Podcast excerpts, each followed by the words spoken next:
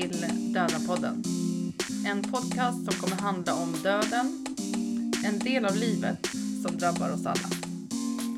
Vi kommer att träffa människor som är nära döden på olika sätt. Antingen av egna upplevelser eller via sitt yrkesliv.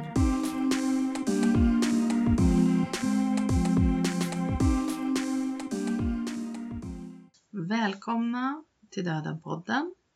Det har ju dröjt lite med att komma ut med nytt avsnitt. Den här gången berodde det på att jag var supersjuk och kunde inte jobba eller göra någon nytta alls. Men nu kör vi vidare igen.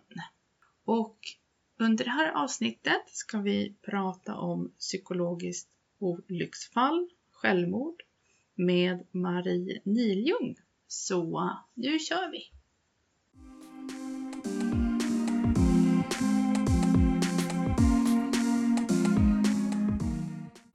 Välkommen tillbaka Marie Niljung! Tack så mycket! Jättekul att ha dig här. Mm. Vi kanske ska börja med hur det kommer sig att du är i Stockholm, för du eh, hade lite fest igår förstår jag. Jag hade en dunderbrakfest igår för att våran fantastiska app Lumino fick ta emot guldmedalj i Svenska designpriset. Så det var stort baluns och ja, det var verkligen Berns var fullt och där var vi och ja, men det var så fantastiskt. Gud vad kul! Men vad är det för app? Det är en app som bygger på boken Handbok för livskämpar som mina två kollegor Susanne Tell och Filippa Gagner Jenneteg skrev tillsammans med Jan Beskow för många år sedan. Eller inte så många, men tre år sedan. Och när jag läste den så kände jag, gud vilken bra bok det här är. Både, jag har ju tack och lov själv inte haft suicidtankar så jag vet inte riktigt hur det är att, att vara och brottas med det mörker. Men jag har ju erfarenhet av hur det är att stå på sidan om. Mm. Och den här boken är så otroligt fint skriven och den är verkligen en handbok. Mm. Så jag ringde helt enkelt upp till Susanne och Filippa och frågade vad vi liksom, eh, skulle jag kunna få undersöka om den här kan bli mer tillgänglig? För att alla läser inte böcker. Nej. Och framförallt inte unga killar och män. Eh, och de sa ja. och så gick jag till en värmländsk innovationsbyrå som heter Sticky Beat som bara gör bra grejer eh, och frågade kan man göra den här till en app? Mm. Jag kan ingenting om det och sen eh, det var i januari 2019. Mm. Och eh, sen är det ju inte bara eh, att Mm. göra en app. Eh, och det här är ju ingen vanlig app utan det är en digital följeslagare som, som heter Lumino. På grund av att eh, lumen heter, är ju ljus. Ja. Så att de ljusa stunderna ska hjälpa dig i de mörka stunderna. Mm. Och från början kanske det var en ren mer suicidpreventionsapp som vi tänkte. Men det är ju faktiskt en livsapp. Mm. Eh, där vi lär känna oss själva bättre. Vad behöver jag eh, fylla på med? Hur, ja, så. så den är så otroligt fin. Den släpptes i maj i år, en första version. Och så ansökte vi till det här priset och så blev vi... Och det var en väldigt fin nominering som jag inte kommer ihåg nu, men det står något fint. Eh, så att det är så fantastiskt. Vad roligt, grattis! Och är, den, kostar den pengar? Nej, den är självklart gratis. Kommer alltid vara gratis och den är också fri från eh, annonser och sponsring. Eh, eh, och det kan inte vara på något annat sätt. Men det är ganska Mm. korkat när man driver företag och göra så. Så att vi, vi behöver hitta samarbetspartners Jo. för att kunna fortsätta utveckla den och sådär. Men, men den kommer alltid vara gratis. Det får aldrig vara liksom att det är inte ens en krona. För att det ska inte vara det som hindrar att få hjälp. Precis. Och det som var så speciellt igår, eh, nu ska vi se om jag kan säga det utan att börja gråta. Det kanske jag inte kan. Eh, nej, det kunde jag inte. Eh, för igår var det 24 år sedan min mamma tog sitt liv. Mm. Just igår. Och det var igår som Ja. du också vann det här Ja. fina priset. Så det har liksom dag! känts sådär att "Ah, det måste vara någon mening med att Mm. det är den 14 oktober. Ja. Eh, och så, ja. så det, det var så fint. Och så bra. Jag ryser. ja. När du berättar det Så här. att, eh, ja. Och det är ju så konstigt, jag menar som sagt 24 år är en ganska lång tid. Eh, Men ändå så, ja, ja ni vet ju hur det är. Ja. Ja. Men eh, Så, ja. att, eh, så det är verkligen, livet är, innehåller både glädje och sorg eh, och igår var det glädje. ja. Mm. Och idag med. Supergrattis och vi ska Tack, göra vad vi tack. kan för att sprida Lumino.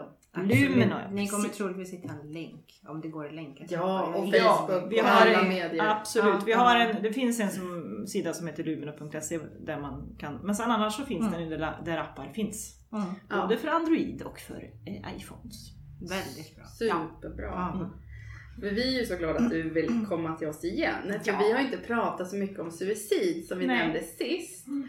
Och vi har en, en massa frågor. Mm. Mm. Eh, så om vi börjar med, vad är din erfarenhet av självmord, suicid?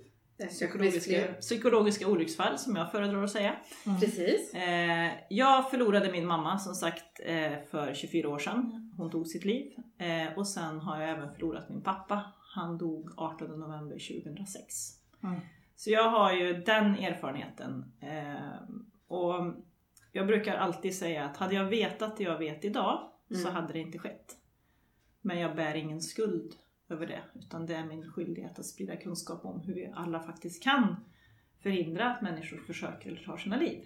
Mm. Och jag ogillar ordet självmord, jag använder det såklart ibland för det, det, är, liksom, det är det som är det vanligaste. Men jag, psykologiska olycksfall förklarar väldigt mycket mer vad det är. Mm. Att det är en serie omständigheter som kan leda fram till en katastrof. Mm. Och det fina med ordet är att det tar bort skulden både från den som dog Mm. och oss som är kvar. Mm. Ehm, Sen kan man använda det som argument eh, gentemot kommuner och sånt. Att eh, det finns faktiskt en lag som heter att man ska eh, förhindra olyckor.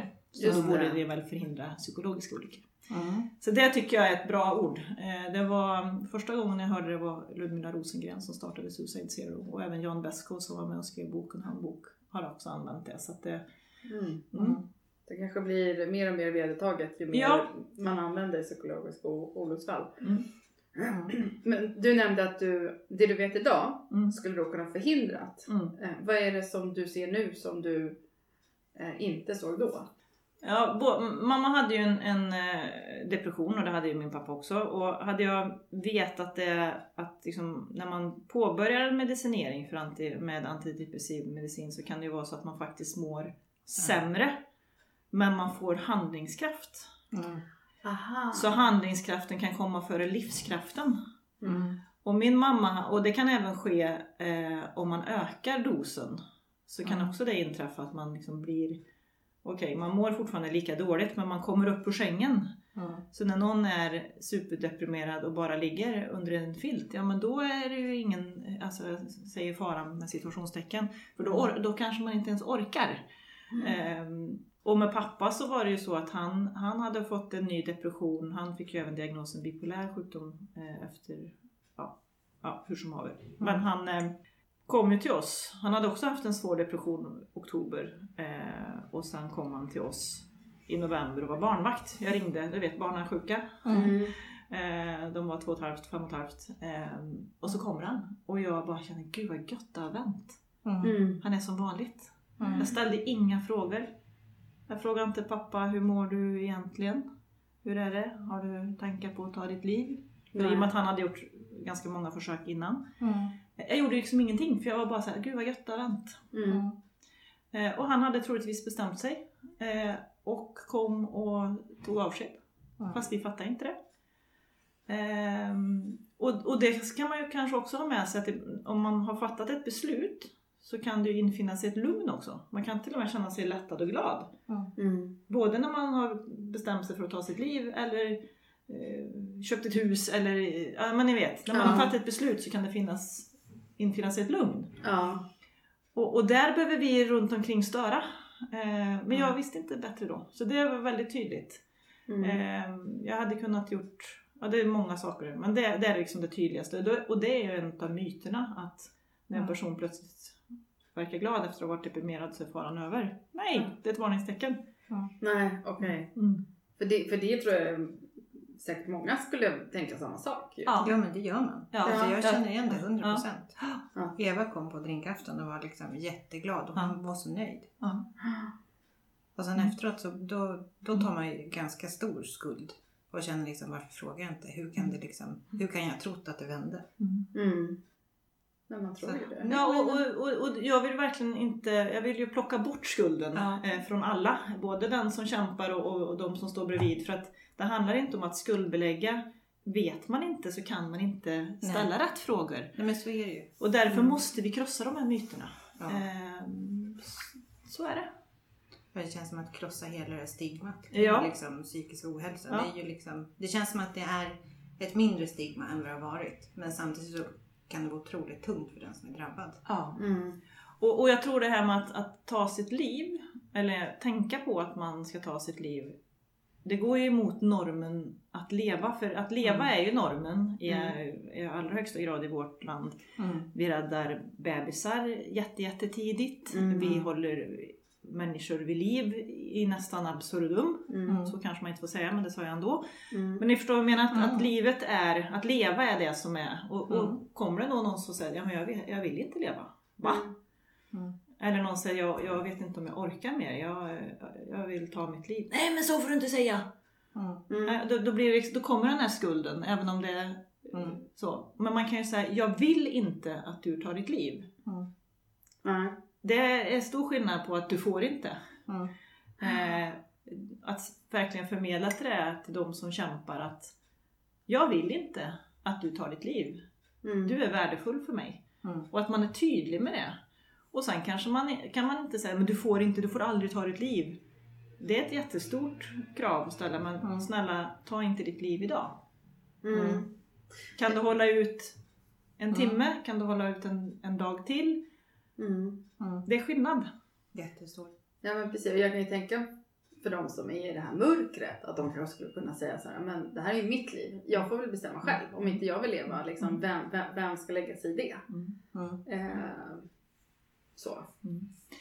Och det, Susanne brukar beskriva det så fint eh, att när man är i det här mörkret och det kan man, där kan man ju hamna utan att vara i en depression. Mm. Eh, så brukar hon beskriva det som att det är som att vara i en brunn.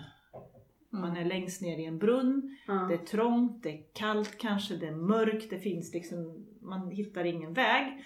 Och någonstans där uppe så ser man ljuset, men det är för långt upp dit. Mm. Då behöver vi skicka ner kraften att ta sig upp, hjälpa till helt enkelt.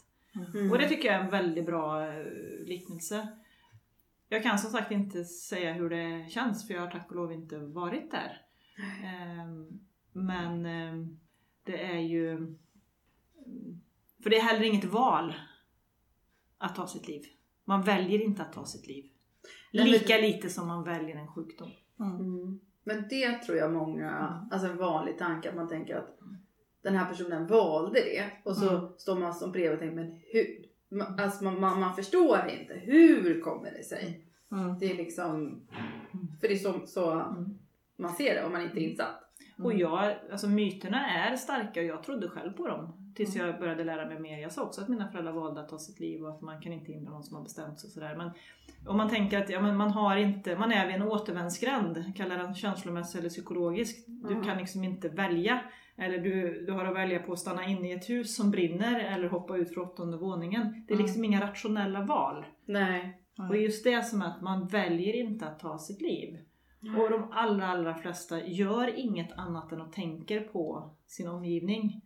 Och det här att ja, men de kommer att få det bättre utan mig Mm. är ju liksom en koppling till oftast en sjukdomsbild. Mm, mm. Eller att man är bara en belastning. Så att man behöver skilja. Jag, jag brukar ju säga att det är ju depressioner som har tagit mina, min, min, både min mamma och pappas liv. Mm. Ehm, och att vi faktiskt börjar prata om det att på samma sätt som om någon dör i cancer eller någon annan sjukdom. Ja precis. Mm. Men när du eh, drabbades, alltså var inte du, kände inte du väldigt mycket skuld eller var arg på dem? Jag kan tänka mig Nej. på att jag skulle vara så arg på någon som... Nej, och det, det är jag inte tack vare att min mamma gjorde ett försök 93 som hon överlevde. Mm. Okej.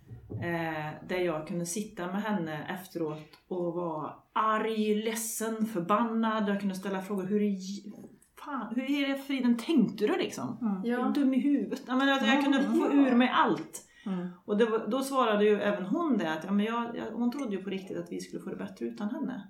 Mm. Mm. Så jag fick någon slags förståelse för eh, att det här är inte, det är inte mamma som pratar utan det är en sjukdom. Och när hon sen dog så, ja men hon orkade inte liksom. Jag var däremot väldigt arg på hennes läkare som hon var hos samma dag som sa korkade saker. Mm. Ehm, men eh, Så jag, jag är ju ovanlig där, jag bär ingen skuld. Jag bär ingen skuld över att inte pappa eh, levde heller.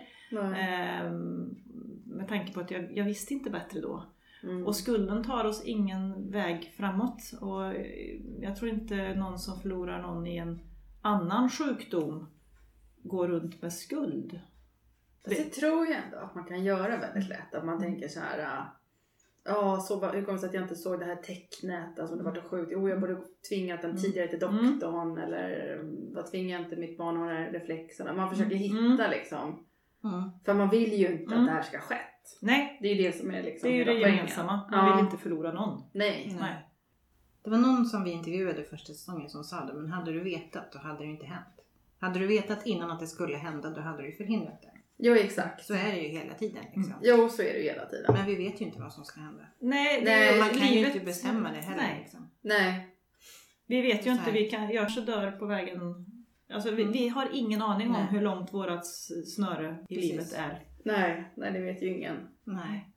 Men, och, och jag tänker, dö ska vi göra ändå. Mm. Det är det enda vi vet att vi ska göra. Mm. Eh, låt oss då förhindra det som den här onödiga döden. Mm. För det är onödig död. Ja, och liksom låt män, alltså någonstans så här hjälps åt. Mm. Så att människor kan få leva Ja. ett Mm. roligt och glatt liv. Liksom. Ja. Sen måste det ju finnas, det finns ju alltid sorg och det finns ju ilska Ja. och alla känslor och så här, Men liksom slippa bo i det där mörkret, liksom, slippa vara i den brunnen. Mm. Ja, och, och vi behöver ju, tror jag, rusta våra barn i att livet är livet. Det går Mm. upp och ner och ibland är det inte alls roligt och du kommer bli ledsen, du kommer bli besviken. Mm. Eh, och att det inte är något sjukt att känna sorg eller bli Nej. ledsen eller arg. Alltså att, vi måste ju rusta oss för det. Mm. Mm. Eh, och, och sen ska Alltså att känna sig eh, ledsen och nedstämd, ja det är ju en del av livet. Men om den här nedstämdheten inte går över, man märker att det går en vecka, det går två veckor, ja men då behöver man ju söka hjälp. Exakt. Mm. Och då behöver vi plocka bort skuld och skam kring Mm. att faktiskt gå och söka hjälp för att det känns inget bra inombords. Mm. Mm. Eh, jag har ju svårt att tro att det finns någon kvinna som inte skulle gå till doktorn om man känner en knöl i bröstet. Exakt. Nej, precis. Mm. Så är det ju. Men om det, då behöver vi gå även när det skav Mm. i kroppen, i Precis. själen eller vart det nu, vart det nu sitter. Ja. Mm. Men du pratade om att, att det finns olika tecken innan. Mm. Och för en annan som inte är lika påläst, Mm. eh, har du lust att dela med dig om vad Självklart. man ska vara uppmärksam Mm. Eh, dels så ska man, vi vara uppmärksamma på om någon förändrar sitt beteende. Man märker att det är något. När man känner, att- man, ofta så känner vi ju om det är om kollegan börjar bete sig på ett annorlunda sätt. Det kan ju bero på stress eller det kan vara att man faktiskt då vågar fråga. Du, jag blir lite orolig. ja. Hur, hur är det? Mm. Mm. Att våga vara, jag har ju ett mantra som är våga fråga, våga lyssna, våga agera. Mm. Att verkligen göra det. Eh, och, och att ta tecken, det finns ju verbala signaler. För det är en annan myt. Att de som pratar om det inte gör det. Mm. Eh, det är helt fel. För det är de allra flesta som försöker eller har tagit sitt liv har på något sätt förmedlat det. Mm. Men vi, vi i omgivningen är inte rustade att höra det. Så har vi någon som, som eh, har det kämpigt på olika sätt och börjar prata om att nej men nu orkar inte jag mer eller nej, jag skiter i det här. Mm. Och att man faktiskt då, men du vänta här nu, vad menar du när du säger så? Mm. Mm. För det här med att, att försöka eller ta sitt liv, det är ju en process. Det är väldigt sällan att det bara liksom går så här fort. Mm. Ehm, så att ehm, var uppmärksam på vad folk säger. Och med tanke på att vi pratar så himla lite om döden och begravningar i det här landet så om någon börjar prata om att den här låten vill jag ha på min begravning Mm. då ska man börja fundera på Mm. Va? Eh, eh, för det, Ja. ja så.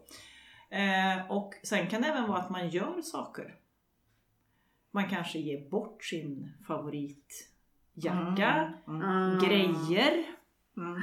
Så, det, det är inte så ovanligt att man tror att det kom, alltså, det här kom som en blixt från en klar himmel att han eller hon tog sitt liv. Ja. Men sen när man lägger pusslet i efterhand så ser man de här signalerna. Och då kan det vara att man har gett bort någon grej. Det kan vara att man börjar ordna och sortera och slänga massa saker. Lite dödsstädning. Liksom. Lite dödsstädning. Eh, kanske eh, ordna med en stor fest. Mm. Eh, det kan även vara att man eh, eh, avsluta konton på nätet. Alltså man, man gör Ja. saker som är annorlunda. Det finns en man som i Värmland, han förlorade sin dotter. Och han är sjuksköterska, han jobbar med ungdomar och han kan rätt mycket. Eh, men han, han visste inte om att hon hade behövt ge bort grejer till sina vänner. Mm. Så det blev väldigt tydligt att hade, han, hade hans, hennes vänner vetat om att det här, mm, det här är något oroväckande, då skulle hon, de kunna ringt till pappan till exempel. Just det, just det. Så vi, Ja. behöver, vi behöver öka lägsta kunskapen Mm. kring det här. Eh, och ha, tonåringar är ju tonåringar, de är ju som de är. så, just wait and see.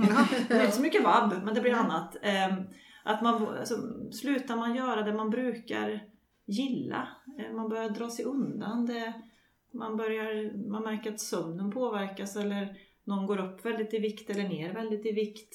Mm. Alltså reagera på små saker och då är det också jätteviktigt att, att faktiskt fråga rätt ut. Mm. Jag blir orolig för dig. Är det så att du har tankar på att ta ditt liv? Eller hur man nu formulerar sig. Mm. Man kanske säger, ja du vet det är inte så ovanligt att tänka på självmord. Mm. Tänker du så ibland? Mm. Mm. Att vi liksom avdramatiserar, för det är inte farligt, det är inte knasigt eh, att tänka på att ta sitt liv. De allra flesta har någon gång i livet faktiskt haft de tankarna. Mm. Ehm, och, och att man liksom pratar om det. Mm. Eh, för och, som nästan allt annat, om man delar med sig av något som är jobbigt så brukar det kännas lättare. Mm. Mm. Men då kan man känna som förälder att det är inte alltid man kommer igenom den här lilla, ska vi kalla det för, ja, Fasader. fasaden. Mm. Tick, tack, tick, tack. Ja. Och då får man väl fråga flera gånger då eller? Ja, och, och, och in, alltså vara, det finns ju i min lilla bok där så tar jag upp det här med, med börs. MI känner ni säkert till som motiverande samtal Mm, som mm. metod. Det använder man ju mycket inom vård och behandling och sådär. Men det är ganska eh, effektivt sätt att man alltid man kan tänka börs. B står för att bekräfta. Man bekräftar personen. Eh, jag ser att det är någonting med dig, jag skulle vilja prata med dig. Mm. Att man ställer öppna frågor. Mm. Eh, och att man ibland låter det vara tyst. Det här är ju supersvårt. Mm. Mm. Mm. Att man reflekterar det personen har sagt Mm. och att man sammanfattar. Och då kan jag rekommendera er att lyssna på Ulla-Karin Nyberg som är vår absolut främsta inom suicidforskning och så. Mm. Hon har ju nu ett program som heter Livet med Ulla-Karin Nyberg. Hon Mm. blev ju istället för radiopsykologen som gick i pension Mm. eller vad han nu gjorde. Ja, Mm. på, Mm, på P1, på P1. Ah. Eh, finns som podd också. Så det, Livet med Ulla-Karin Nyberg. Mm. Otroliga samtal. Eh, och där kan man se att hon kommer inte med någon lösning. För det är också en sån, bara för att du frågar någon så behöver inte du ha lösningen. Nej. Vi kommer så långt med att bara lyssna. Ja. Så henne kan man, då, för det är verkligen så här, ja just det, nu gör hon, nu gör hon så ja. Mm, Nu ser jag. Alltså hon, Mm. det är magiska samtal. För det är ju, det är ju ett samtal. Någon ringer in med ett stort bekymmer. Mm. Och hon kan genom att lyssna och ställa frågor få dem på andra tankar. Det är helt magiskt. Och Mm. även hennes sommarprat. Ja, ja. Mm. Det är Bra min- tips. Mm, det är min, eh, min stora idol. Mm. ja, vad bra. Eh, men brukar människor som eh, ut, eh, får psykologiska olycksfall lämna brev efter sig? Det är ju, jag, jag har ingen statistik på det, men det är ju ganska vanligt att man skriver eh, något slags eh, avskedsbrev. Min Mm. mamma skrev till mig, min pappa skrev inte. Så att jag tror att det beror väldigt mycket på hur man är som person. Skriver man någonting? Alltså, Mm. Så det tror jag, det finns nog, jag har inga siffror men man brukar ju prata, när man pratar statistik, om säkra och osäkra suicid. Ja. Och jag pratar alltid om de båda. Mm. Ehm, för de osäkra enligt Socialstyrelsens dödsfalls eller dödsorsaksregister Mm. är ju i princip Mm. säkra men det fanns inget avskedsbrev. Ah, ja. Ehm, eller man, eh, det var tveksamt, såg chauffören att bilen väjde mot, eller det, det är sådana Ah. saker. Men de är ändå säkra. Eh, Ja, eller ja, förstår ni vad jag menar? Ja, jag förstår. Eh, Så att det, mm, ja det kan ju, Men vad, vad brukar den avlidne skriva då? Alltså brukar det... Det är nog väldigt ofta förlåt. Ja. Mm. Jag orkar inte mer. Jag älskar er. Alltså mycket kärlek. Mm. ja okej. Min mamma skrev ju att ja, du får se det som att depression är en obotlig sjukdom. Du kommer att klara det bättre utan mig. Mm. Ja, och då, ja, Mm.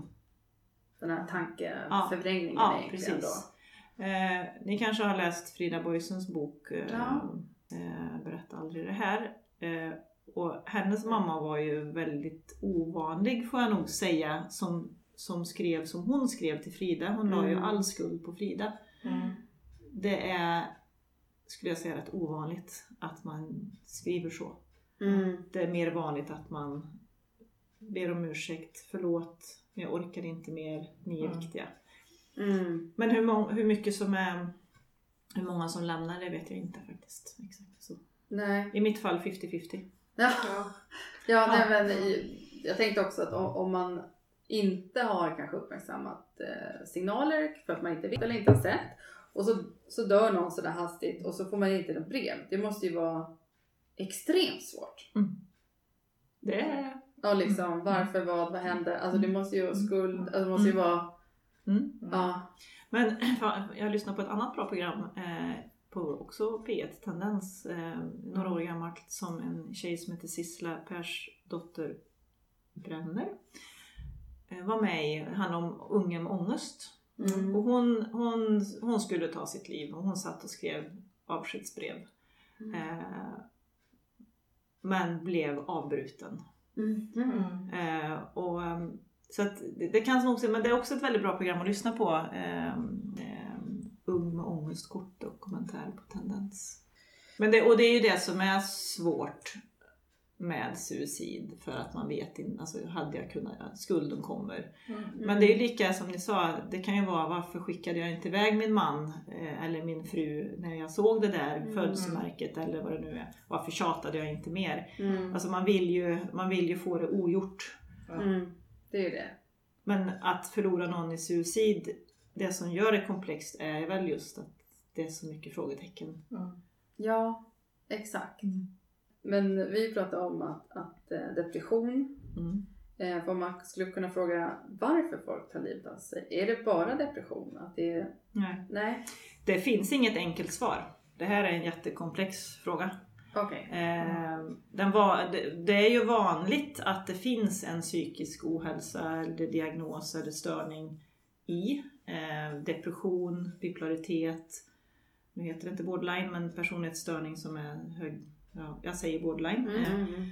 Eh, Det kan finnas andra, andra personlighetsstörningar. ehm, Men depression, sjukdomen i sig, den, eh, symptomen av den kan ju vara att man faktiskt förlorar lusten att leva. Ja. Eh, Men det är ju inte bara det. För det kan vara en livskris som dyker upp. Det Mm. händer någonting. Eh, Och det är också en sån kunskapshöjande grej att, ja, men att till exempel gå i pension Mm. är ju jättehärligt för någon. Mm. Men om du har jobbat hela ditt liv, jobbet är hela din identitet. Ja. Du är man kanske Mm. och så har frun lämnat dig eller gått bort eller någonting och du Mm. sitter där ensam. Då kan det bli övermäktigt. Mm. Eller att du kommer ut i, med din sexuella identitet. Vi vet att avslöjande av brottslig handling. Mm. Ehm, det är Ah. sådana saker, att, eller att en separation eller ett djur dör. Mm. Eh, Det kan vara precis Mm. faktiskt allt. Och, och Andreas som har varit med och gjort den här um, fantastiska appen Lumino, han, han um, när vi har jobbat med det här kom fram till, han skapade något han säger är en suicidgenerator och den, det låter ju helt galet men jag ska försöka förklara. Mm. För när vi har berättat, eh, jag från mitt perspektiv och Susanne och Filippa ur sitt för honom så, så har han liksom tänkt att ja men i oss har vi alla ett, ett urverk Mm. Mm. och i, upp ur det urverket så går, har vi alla skivor av Mm. olika slag. En skiva kan handla om familj, någon kan handla om jobb, någon kan handla om hälsa, någon kan, ja, vi Mm. har alla skivor. Och vi har alla hål i de här skivorna Mm. Mm. på olika sätt. En del har stora hål, en del har inga hål. Mm. Och de här snurrar runt. Och så händer det någonting. Så det faller ner en, en eh, stenkula eller en järnkula Ja. på det här Mm. första urverket. Mm. Och första skivan kanske är något, ja, hälsa, du har sovit dåligt, ja men då åker den genom det hålet. Mm. Och så händer det någonting mer. Och så kanske du faktiskt har otur att alla skivorna står precis fel. Så Mm. det åker hela vägen ner och slår sönder urverket. Det vill säga att man tar sitt liv. Mm. Ah. Och den här bilden kanske vi kan dela på något vis sen eh, Mm. i, när ni delar programmet. För den, den är, den förklarar att det, det kan vara precis, vi kan alla drabbas av det här. Och det är ju läskigt men jag tror också vi behöver ha en, en eh, förståelse för det. Mm. Och jag träffade en ung tjej förra året vid den här tiden som hade förlorat sin pojkvän. Eh, han hade tagit sitt liv. Hon fick ingen, inget stöd från vård tyvärr. Eh, så jag träffade henne en vecka efter han hade dött och hon Mm. satt där med så mycket skuld. Mm. Att det här är bara mitt fel. Mm. Men då kunde jag visa den här bilden och säga att vet du, det här det är inte en orsak. Det är flera saker som gör att det här har hänt. Mm. Och hon kunde ändå gå ifrån mig och vårt möte och ha lite mindre skuld. Mm. För man fick en annan förståelse. Så den, den bilden är, sen, sen om det är ett bra ord eller inte, jag vet inte, men, men en förståelse för att, ja, och Mm. för någon kanske det är, ja men hunden dör. Det var droppen liksom. Ja, just det. Den, den sista skivan Ja, Mm. på något sätt. som vred till sig och så pang. Mm. Ehm, och då är ju vår förhoppning, eh, min förhoppning och allas vår förhoppning, att vi ska lära känna oss själva bättre så vi får koll på våra skivor. Mm. Vad kan jag göra för att ha så små hål som möjligt? Mm. Ehm, vad behöver jag göra bara för min hälsas skull? Eller är jag i en relation som är destruktiv? Den kanske jag, alltså, vi Mm. behöver bli lite medvetna och då kan Lumino hjälpa oss att faktiskt lära känna oss själva bättre. Mm. Mm. Är, det, är det vissa är det förhöjd risk om man tänker på så ålder eller kön eh, på något Mm. sånt sätt? Ja. Mm. Eh, det är ju ungefär 1500 människor varje år som tar sitt liv i Sverige. Mm. Det betyder fyra om dagen. Och Otroligt. det här gör mig så vansinnigt förbannad så att jag kan explodera. För så här har det sett ut i så många år. Mm. Och ändå gör vi inte rätt saker. Tittar man statistiskt så är ju de flesta som tar sitt liv är ju då äldre män. Mm.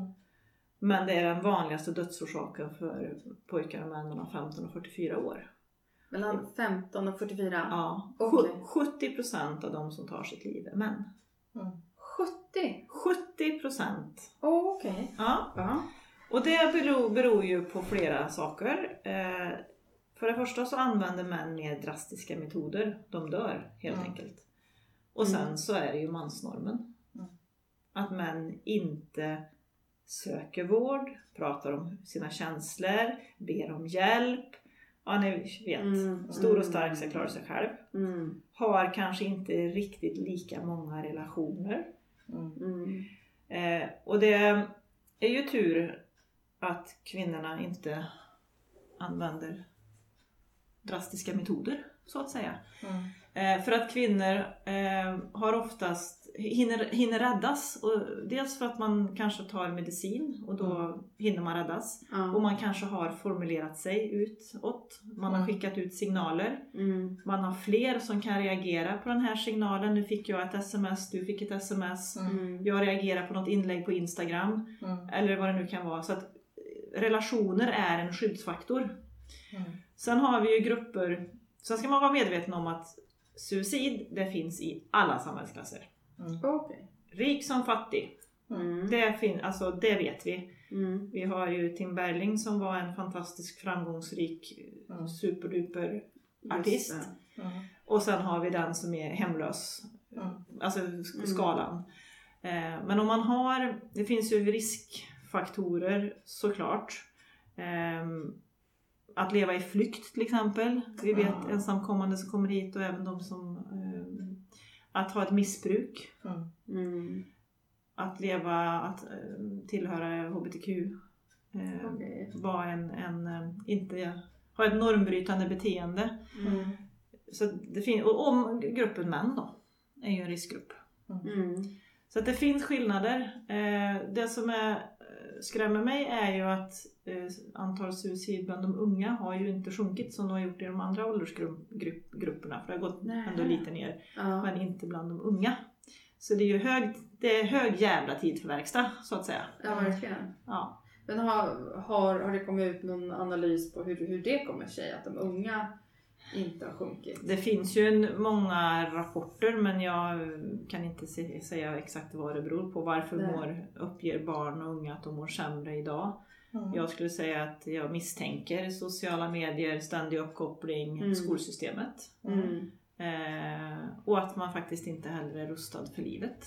Mm. Ja. Alltså Eh, jag, ursäkta om jag flikar in, men jag tror att förskolan har en ganska stor del i det.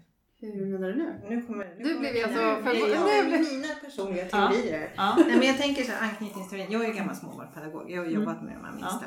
Och anknytningsteorin bygger ju på att man knyter an till människor. Liksom. Vi som pedagoger, är du pedagog på förskolan och ska liksom, Mm. ta emot ett nytt barn, skola in ett barn. Då måste du ju knyta an för att det här Mm. barnet ska känna sig tryggt. Mm. Och har du som då pedagog 18 småbarn som ett och två år och ni kanske är tre eller fyra stycken Mm. Så är det ganska mycket känslomässigt liksom, engagemang som du måste lägga ner. Mm. Och det är inte rimligt att ställa de kraven. Nej. Så att jag tänker mig att det finns liksom Det börjar när redan man är, där. ja, men Det tror jag absolut för att hjärnan formas ju som allra mest de första fem åren. Mm. Den växer ju som allra mest då. Mm. Och jag tänker mig då att om du inte får en trygg anknytning och inte får det här trygga anknytningsmönstret Mm. så kommer du söka resten av ditt liv. Du kommer aldrig kunna liksom, alltså det krävs otroligt mycket jobb för att kunna bygga den här liksom Mm. inre tryggheten. Det tror jag, jag tror att det har en stor del i det. Och så lägger vi till smartphones. Exakt, Just och så lägger vi till och, så, och, så har, liksom. ja, och så har du, jag är evigt tacksam att inte det fanns eh, det när jag var småbarnsförälder. Mm. Jag hade inte varit en bra förälder. Eh, tror jag. För att jag, det, det nej. Mm. Eh, så det finns alltså eh, telefoner, eh, ja, alltså det, det är inte bara av ondo, men Nej. mycket av det tror jag är, och sen att det inte finns rätt vård och stöd. Mm. Det är alltså, vad kan det vara, 700 elever på en kurator på en skola. Mm. Ja, det är så pass. Ja men man ska ju också in i systemet Ja. så fort som möjligt, Ja. precis som du säger. Så det är större klasser på skolan, det ska liksom, vart kan vi spara pengar? För att det är liksom, jag vet när vi pratade med Marie senaste avsnittet, då är det liksom så här balans, budget i balans liksom. Mm. Det gäller ju överallt. Mm. Och det, det tror jag är som fatala misstag. Mm. Ja, och jag kan bli så provocerad när Ja, jag hör de här som står och vi måste ha mer poliser, vi måste ha hårdare straff. Eh, nej, Nej. vi behöver ha mer resurser, vi måste rusta eh, i, tidigt. Alltså, Mm. MVC vet ju vilka familjer som skulle behöva stöd. Ja. Sätt in det då. Tidiga insatser är liksom lösningen. Hur svårt Mm, kan det vara? exakt. Mm. Eh, och att vi ska ha tillgång till, till vård eh, Mm. när det behövs. Mm. Eh, och en grupp som... Det, det mest effektiva vi skulle kunna göra för att få ner antalet suicid i Sverige det är ju att vi faktiskt tar reda på och hjälper och stöttar de som har försökt ta sitt liv. Mm. Det är en grupp som nästan inte, de kan man inte nästan prata om. Men vänta nu. Aha. Ja.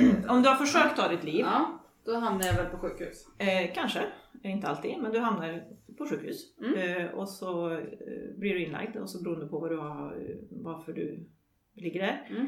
så kan du bli utskriven dagen på. Mm. Va? Ja. Ja. Ehm, jag hade, ja det här, är, det här är så hemskt så att ni anar inte hur jävla illa det är. Nej, det gör jag inte. Eh, så det ser väldigt olika ut. Och får man, alltså 85-90% av de som har försökt ta sitt liv en gång dör av helt andra an- anledningar. sen. Okej. Ja, Mm. men det är fortfarande 10-15%. Det är väldigt högt. Som kommer försöka igen. Ja. Som kommer försöka Mm. igen om man inte får rätt hjälp. Ja. Eh, jag ska inte lämna ut min egen region men eh, jag fick eh, ett sms av en desperat diakon som satt med en man som inte ville leva. Och jag sa jag kan tyvärr inte komma eh, till er utan jag fick försöka vägleda via sms. Mm. Mm. Eh, hon lyckades övertyga honom till att leva den dagen. Men igår så fick jag ett sms på morgonen att han hade gjort sitt sjätte försök. Mm. Som han också då har överlevt. Okej. Eh, jag fick förhindra att en tjej hoppade eh, i Karlstad. Det visade sig att den tjejen, hon hade gjort ganska många försök. Mm. Hon var utskriven samma dag som jag satt med henne. Mm. Eh, så vi, vi har en hel del att jobba med. Inom, dels inom psykiatrin Mm. och inom vården på, to- på totalen. Och Susanne och Filippa säger varför finns det inte stödgrupper för personer som har försökt ta sitt liv? Mm. Vi vet ju vad effektfullt det är att ha gruppterapi. Vi vet att anhöriggrupper, stödgrupper är jätte, jättebra. Mm. Varför frågar man inte vad behöver du Mm. nu? Varför behandlar man personer som har försökt ta sitt liv helt annorlunda än någon som har legat, inne för att den har varit med om en trafikolycka? Mm. Hur är det möjligt? Alltså det, det, ja, hade Susanne och Filippa varit här så hade de eh, också blivit eh, upprörda. och, och det för mig blir så här, det, jag, jag, jag måste föra deras talan. Mm. Mm. Människor som har försökt ta sitt liv. Mm. Eh, man ska inte behöva bemötas när man kommer och söker hjälp på psykakuten. Jaha, är du här igen? Vadå, kan de säga Ja så? då, det har jag tyvärr eh, fått information om att det har skett när ambulanspersonal har kommit in med en person som har varit på väg att ta sitt liv.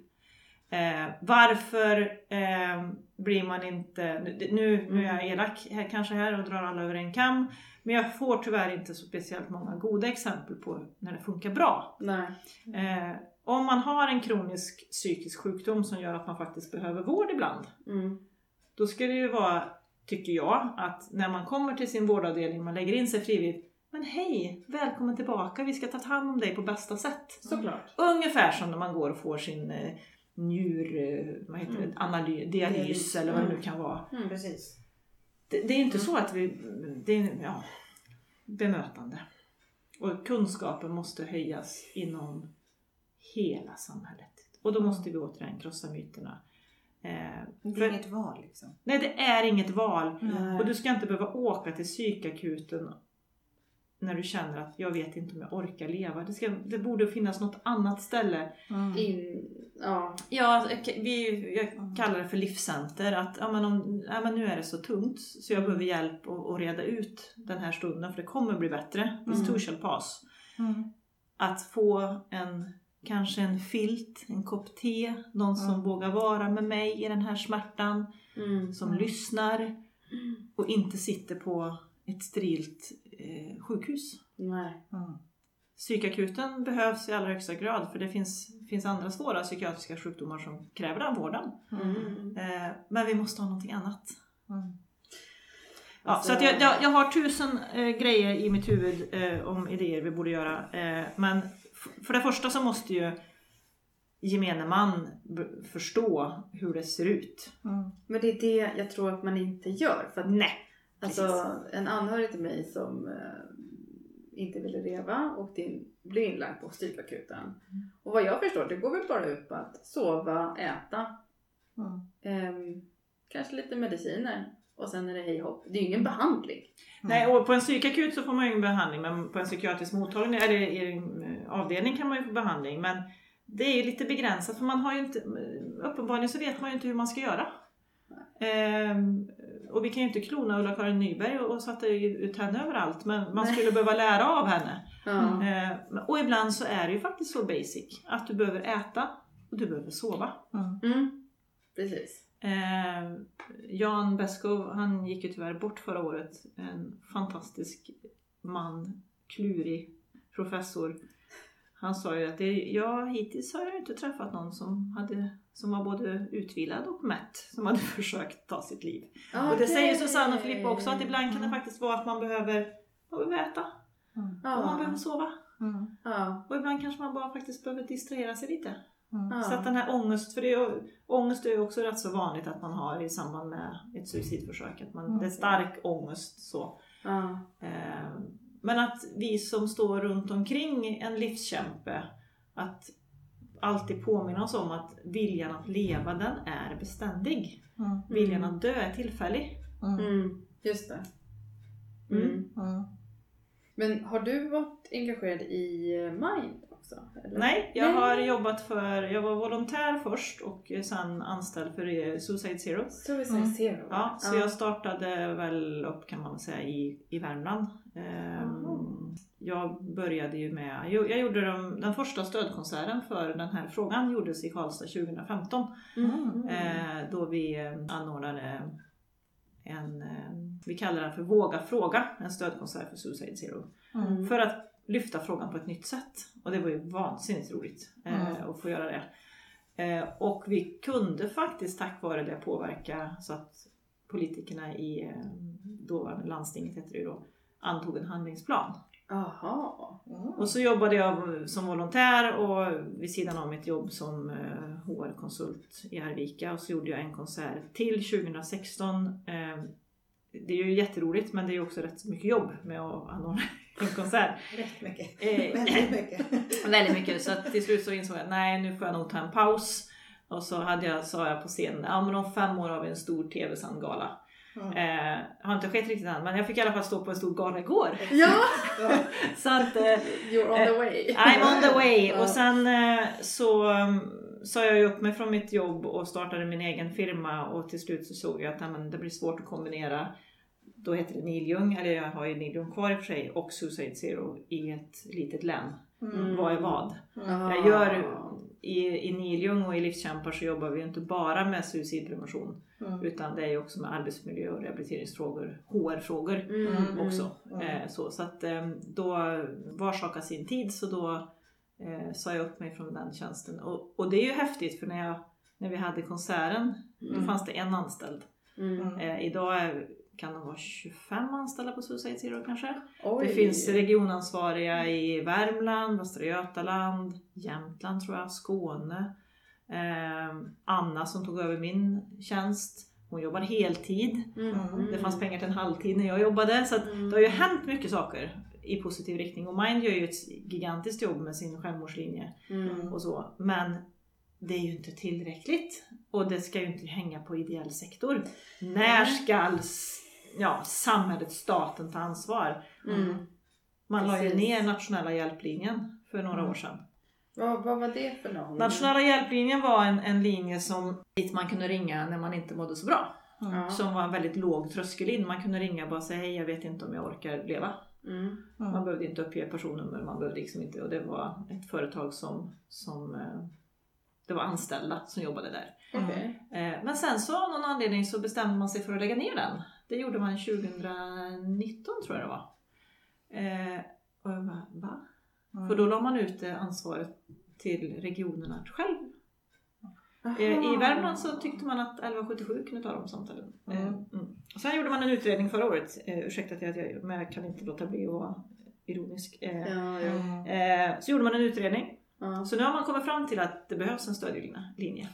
No. Fint. Ja. Eh, Så nu, om jag har läst rätt, så är det väl Folkhälsomyndigheten som kommer att vara ansvarig för att eh, den här linjen ska liksom där det ska vara professionellt eh, kunnigt folk. Mm. Eh, de som sitter i självmordslinjen är ju utbildade volontärer, Mm. men det är fortfarande volontärer. Mm. Eh, och det är tack vare Tim Berglings Foundation som gör att de kan ha öppet så mycket som de har öppet. Mm. Alltså vart är samhället? Mm. Mm. Ja. Nej, alltså jag, jag tycker personligen att det är väldigt så här. Det blir så... Det blir pengar, alltså klass. Alltså så här, har du Ja. pengar att betala egen psykolog, Mm. då får du hjälp. Mm. Annars blir det svårt. Ja. Så det, det är liksom... eh, Hoppas du är född mm, i en rik familj då. ja, eller hoppas du är född på ett ställe där de faktiskt kanske till och med har ett bra team på vårdcentralen. Det kanske till och med finns en psykolog. Exakt. Eh, Mm. Vi har ingen jämlik vård i Sverige. Exakt, Nej, exakt. inte. Det är ju verkligen så. Mm. Ehm, och, vi börjar, och, och, och i väntan på då så, så får man ju någonstans börja med sig själv. Hur ser jag på psykisk ohälsa kontra fysisk ohälsa? Mm. Ser jag ner på någon som har en depression eller ångest eller tycker jag, fan ryck upp dig. Alltså Mm. att vi börjar med oss själva Mm. eh, i väntan på att resurserna kickar in. Mm. För det finns ju uppenbarligen pengar. För kan vi bara titta på hur covid du tänkte så? Eller att, Ja. att eh, då finns det, då lyfter man bort eh, gränser i, i, i, eller man tar bort karens Mm, precis. Försäkringskassan. Mm. Eh, man behöver inte den här hårda gränsen med dag 180 som ni kanske känner till vid sjukpenning. Mm. Den var ju lite mer vag. Mm. ehm, ja, då, då, då kunde man helt plötsligt göra saker. Mm. Ehm, jag har ju själv jobbat på Försäkringskassan så jag vet ju hur systemet funkar. Mm. Och jag vet att det inte är personalen på Försäkringskassan som har bestämt att det ska vara så här. Det har ju Nej. faktiskt våra politiker bestämt, att Ja, det ska vara en rehabkedja och så. Mm. Men att det är så stor skillnad. Man startar nya covid-avdelningar. Och det, jag menar inte att man inte ska ta hand om Nej. Nej, personer nej, som nej, har nej. covid. Nej. Men det är märkligt att då finns det helt plötsligt möjligheter att starta upp en ny avdelning. Mm. Men alla personer som går med ångest, utmattning, ME, alltså det finns ju... Nej. Så att ja, Mm. Men det är väl okunskap och sen eh, är det väl också att man inte inser att nuvarande system är ju dåligt för individen och det är också inte lönsamt. För det kostar ju mer när folk går tillbaks hela tiden och Mm. inte kan jobba och det Mm. blir liksom... Ja. Mm. Men jag tänker också att det är så svårt om man ser in på liksom politik att bli så här, veta att okej men vi kan satsa för fyra år för sen är det ett nytt val. Ja, ja Alltså, det är också där. svårt. Det måste ju liksom, man måste ju ha någon sån här blocköverskridande överenskommelse. Det måste ju finnas någon liksom mer samarbetsvilja och liksom Ja. långsiktiga lösningar. Verkligen som du säger att kortsiktigt så funkar det här. Men liksom, alltså, kortsiktigt så får det här konsekvenserna men långsiktigt så blir det ännu sämre. Såklart. Och det är väl liksom någonstans där man ja. måste tänka Mm. ett steg till. Liksom. och då kan man ju titta på det här med gängkriminalitet och skjutningar Mm. och allt det. Ja, men om vi hade gjort rätt sak från början då så Exakt. hade det ju inte blivit så här illa. Precis. Men jag kan, nu kanske jag lämnar ut min man, men det får väl vara så. Eh, han fick eh, besked om att han har diabetes 2 och det är en tråkig sjukdom att få. Mm. Eh, han fick besked från sin, hans läkare ringde på en torsdag. Eh, en kvart efter han hade lagt, pratat färdigt med honom så ringer det upp en specialistsköterska. Mm. Bokar in en tid på tisdagen veckan därpå. Mm. Det är fantastiskt. Ja. Super, superbra. Ja. Men hade han fått diagnosen depression så Mm. hade det inte ringt upp en specialist en kvart efter och sagt Vet du vad? Vi bokar in en tid så ska jag hjälpa dig Mm. nästa vecka. ja, nej. Nej. Återigen, jag menar inte att man ska ställa saker och ting mot varandra men det blir väldigt tydligt Mm. Verkligen. eh, hur, hur olika det är med, med olika Mm. sjukdomar. Ja, Mm. verkligen. Jag hade en annan fråga som jag tänkte på. Det här med smittorisker. Mm. Finns det? Eller är det en myt? Att om eh, en eller två kompisar i mitt gäng tar livet av sig så kan det smittas. Mm. Det kan smittas om vi inte börjar prata om orsakerna och börjar prata om det på riktigt. Mm. Då finns det en smittorisk. Mm. Eh, men om det sker ett suicid på en skola Mm. om man går in med insatser och pratar med alla som har varit runt omkring, förklarar, alltså det här som jag pratar om nu till exempel. Var, Mm. Varför händer det här? Vad är det som sker? Varför? Eh, Mm. Och att man tar tag i att man behöver prata om livet och döden med unga. Mm. Då kan man, sport, eh, då kan man liksom hindra det här. Mm. Men om vi inte gör något Mm. Och eh, vi har, eh, då finns det ju en risk att det kan bli fler. Man ser att det är en utväg. Mm. Det är ett Mm. alternativ. Och det är ju samma sak att det finns en ökad risk att om du har förlorat någon i suicid att du tar ditt liv. Mm. För att det är ett sätt att så gör vi i den här familjen. Mm. Okej. Alltså att det blir en... Om man inte pratar om det. Så det, det är Mm. tystnaden som är det farliga. Mm. Så smittorisk eh, finns det om, eh, om man inte tar tag i det Mm. och ger rätt stöd. Och man behöver prata med framförallt barn och unga att döden är för evigt. Mm. Det är Ja. inte som på, ett, eh, som på film eller på ett dataspel eller, på ett dataspel, nu lät jag väldigt gammal men Ja, jag jag fattar. Ja, ja. Eh, ehm, man får inte ett nytt liv liksom. Nej. Nej. Och det är inte Exakt. som de här romantiska filmerna de, som skönmålar att man, ja, man kan titta ner på alla som sörjer nu när jag är borta. Alltså nej, du är borta. Det är det enda vi vet. För vi Mm. vet inte vad som händer. Nej, Men du kommer i alla fall inte tillbaka hit, där vi andra är. precis. Och att det är för evigt. Mm. Men är det samma orsak till att pressen inte skriver ut? eh, Det är okunskap att pressen inte skriver mer om suicid. Eh, De ska inte skriva om, om tillvägagångssätt och, och så. Men om man inte skriver om suicid så finns ju inte problemet för politikerna. Precis. Men det finns pressetiska regler som de har valt att tolka lite snävt. Och det, jag, det, jag skulle säga att det är på grund av okunskap. Mm. Okej. Eh, så att eh, Suicide Zero har en bra, eh, på sin sida, tips på hur, hur ska man skriva? Mm. Hur ska man agera som journalist? Eh, räddningstjänsten i Karlstad har börjat ta liksom stora steg framåt att faktiskt prata om den här frågan. Mm. Och då är det inte att man ska skriva om varje suicid som har skett. Nej. Men man kanske ska göra en gång i månaden. Okej, nu har vi haft så här många försök och så här många har tagit sitt liv. Mm. Eh, och det här behöver vi jobba vidare med. Att kunskapshöja Mm. och få politiker att fatta att ja, men det är så här illa. Du kan Mm. göra sex försök och du blir behandlad illa på en mottagning eller vad det nu är. Mm. Vi måste göra insatser. Men som sagt, finns det inte så finns det inte. Ja, men det känns så här overkligt. Just det här, jag hakar upp mig på det här. Så här. Ja, men här sitter jag och är skitdeppig. Så här, småbarnsförälder eller liksom mitt i karriären och bara så här, går in i väggen och så här, försöker ta livet av mig. Så, så blir det här. Jaha, oj vad jobbigt. Och sen så händer ingenting. Och så får man liksom, nu är inte jag den, men liksom. Man får ju ingenting. Det, det händer liksom ingenting. Man kanske får de här, jag vet inte, två samtal, ett samtal. Och sen blir man hemskickad och så får man medicin och så försöker man igen. Och så händer det fortfarande ingenting. Nej, du får inte Det hjälp är så, med det är så du liksom, får inga verktyg. någonstans här, precis som du säger, så här, verktyg liksom. Mm. Orsak. Mm. Alltså vad är, det som, vad är det som pågår och hur kan du tänka nästa gång de här tankarna kommer till Mm. dig? Mm. ju Och det är det som hela Handbok för liksom. livskämpar och Luleå ska hjälpa dig med. För du, Ja. kan, du är expert på ditt eget liv faktiskt. Exakt. Ja. Ehm, och det pratar Ulla-Karin också jättemycket om. Ehm, men jag pratade med en annan vän igår som sa att det är så stor skillnad på vad i Tyskland får man till exempel väldigt många samtal av en psykolog eller terapeut. Mm. Mm. Jag tror även Finland, alltså det skiljer sig. I Ja. snitt får man kanske sju samtal eller någonting i Sverige. Mm. Men på andra ställen så får man jättemycket så länge man behöver. ja, jag har också hört det i Tyskland. Ja. Ja. Mm. Så vi behöver ju liksom andra och KBT funkar inte för alla. Nej. Eh, medicin funkar inte för alla. Nej. Eh, Nej. eh, men vi vet en sak som funkar. Eh, det är motion. Mm. Fysisk aktivitet. Mm. Mm. Tänk om vi kunde få eh, utskrivet en personlig tränare som faktiskt hjälper dig att komma igång. Som motiverar dig. Och Mm. inte bara få ett eh, recept med fysisk aktivitet. Mm. För har du aldrig tränat så är det Mm. rätt så jobbigt att komma ut. Mm. Kanske, alltså, Mm. och att börja i det lilla. En promenad runt huset Mm. och så fortsätta. Så Ja. det, det, alltså, och det är ju inte... Men det kanske är någon läkemedelsindustri som inte tycker om en sån lösning. Jag vet inte. Och sen så Mhm. behövs medicin också. Mm. Ja. medicin, alltså antidepressiv medicinering har ju också räddat jättemycket liv. Mm. Mm. Men det kan inte bara vara det. Nej. Det måste vara helhetssynen. Eh, nu kommer jag ställa en stor fråga.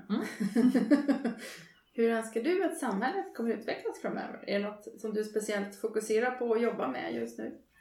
Ehm, oj, hur ska vi sitta tills imorgon nu? jag vet att Ja. den var Eh, jättestor. nej, men det, alltså bara det här med att, vi, att, att faktiskt göra och inte bara sitta och prata. Mm. Eh, gör något. Vi har Mm. gjort en app nu som Mm. faktiskt är ett komplement Mm. det som finns idag. Eh, så jag, jag har en, en plan, eller en plan, jag har en idé som jag har haft i många år sedan min son gick ur nian så sa han Alltså den här sista veckan innan sommarlovet då gör vi ju inget vettigt. Nej, just det. Mm, vedertaget. Mm. Tänk om vi kunde använda sista veckan innan sommarlovet till att rusta barn för livet. Mm. Med att lära sig ha- hantera sina känslor, prata om sina känslor, Mm. lära sig vad kostar en glass, vad är en försäkring, att man börjar Mm. i förskoleklass. Mm. Och så gör man det hela vägen till man har tagit studenten. Då borde man vara lite rystad. Ja, ja, ja. Eller? Eh, och när jag har nämnt den här idén, eh, August är ju 20 nu så det är ju fem år sedan. Eh, för lärare så sa jag, ja, vi skulle behöva ha några dagar innan jul också. Ja. ja. Mm. Eh, och vi vet ju att många elever har det väldigt, väldigt svårt på lov. Mm. Vi har barn som faktiskt inte ens har mat. Mm. Mm. Eh, vilket gör att det är ännu svårare att gå på sommarlov. Men om man har har blivit sedd och lyssnad på och fått så, så ökar i alla fall chanserna. Så att Mm. tidiga insatser och då skulle, ja, appen finns ju redan, men jag skulle vilja ha eh, stödgrupper för personer som har försökt ta sitt liv. Mm.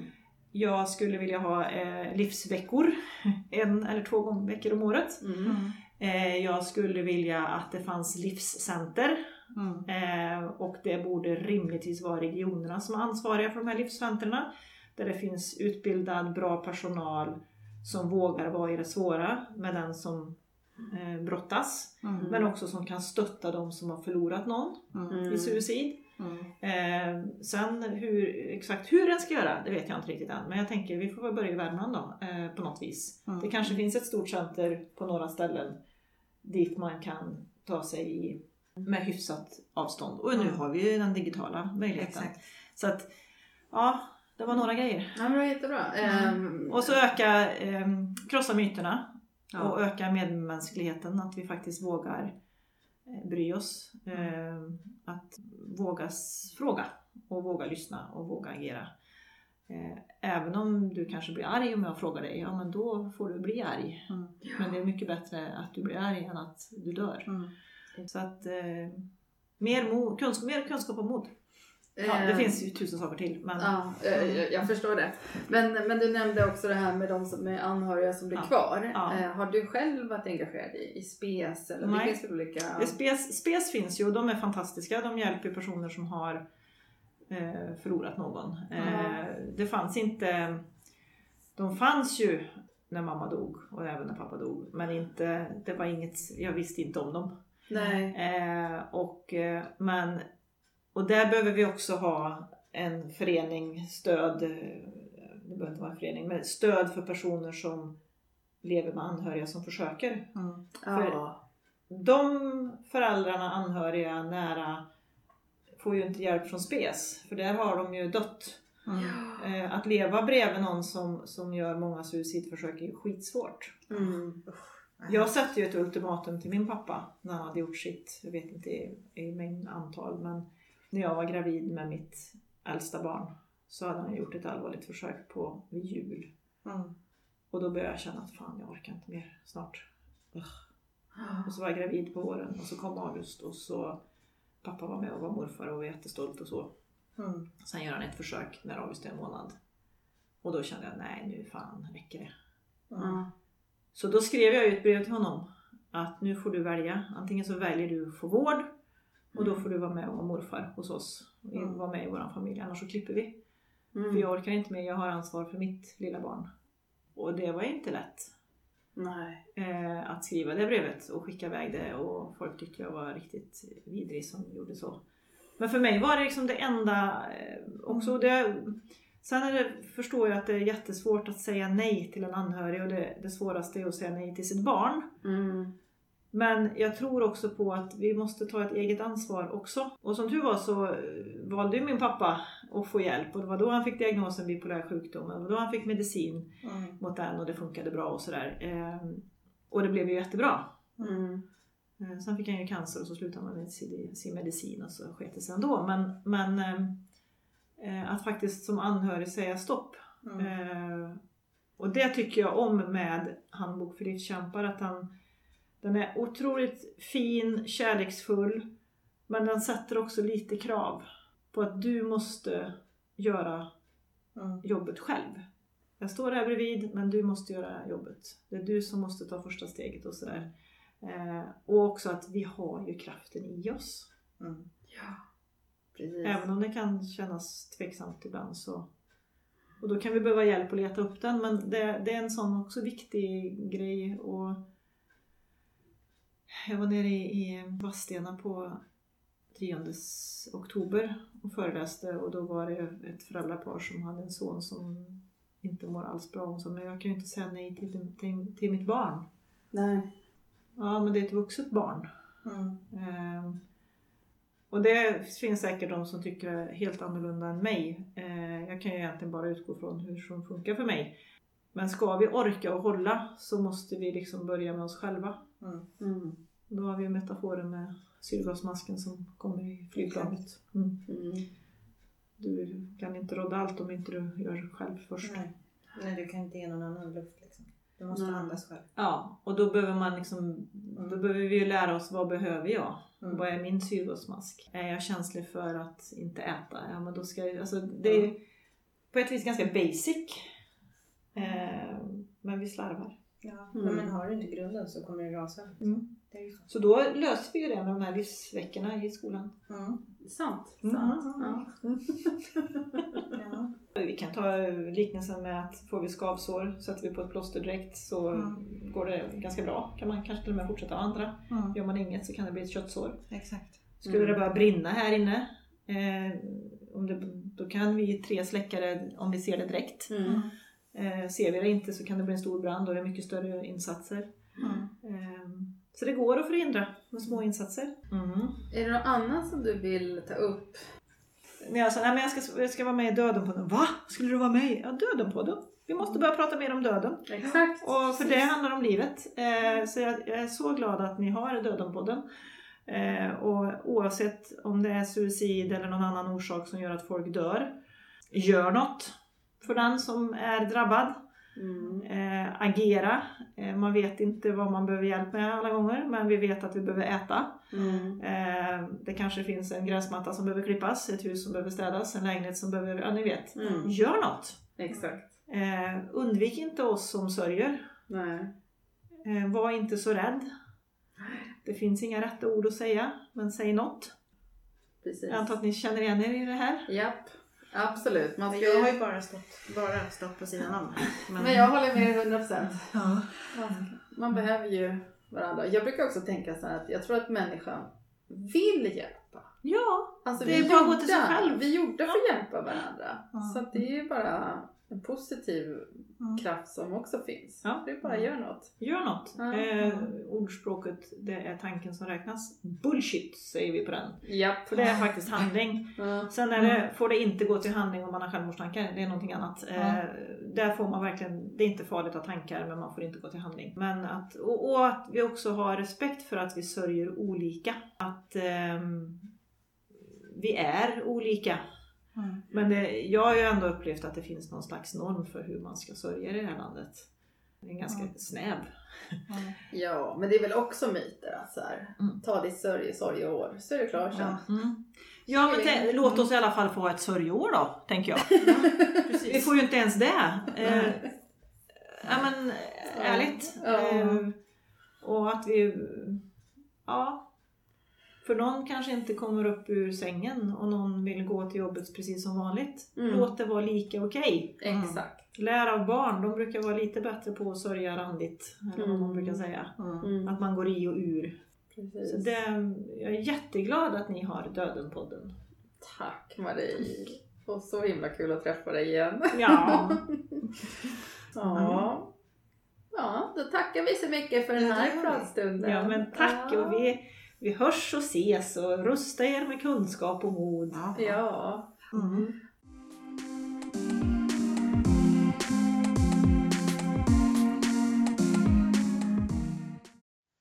Jag hoppas att ni tycker att det var intressant avsnitt och att ni har fått lite nya tankar nu när vi har hört så mycket klokhet från Marie Nilium. Och tipsa om appen Lumino som hjälper vid psykisk ohälsa. Nästa avsnitt kommer komma ut om två veckor på söndag. Så den tredje advent hoppas jag att vi hörs igen. Ha det så gott i julmys och julstök till dess. Ta hand om er!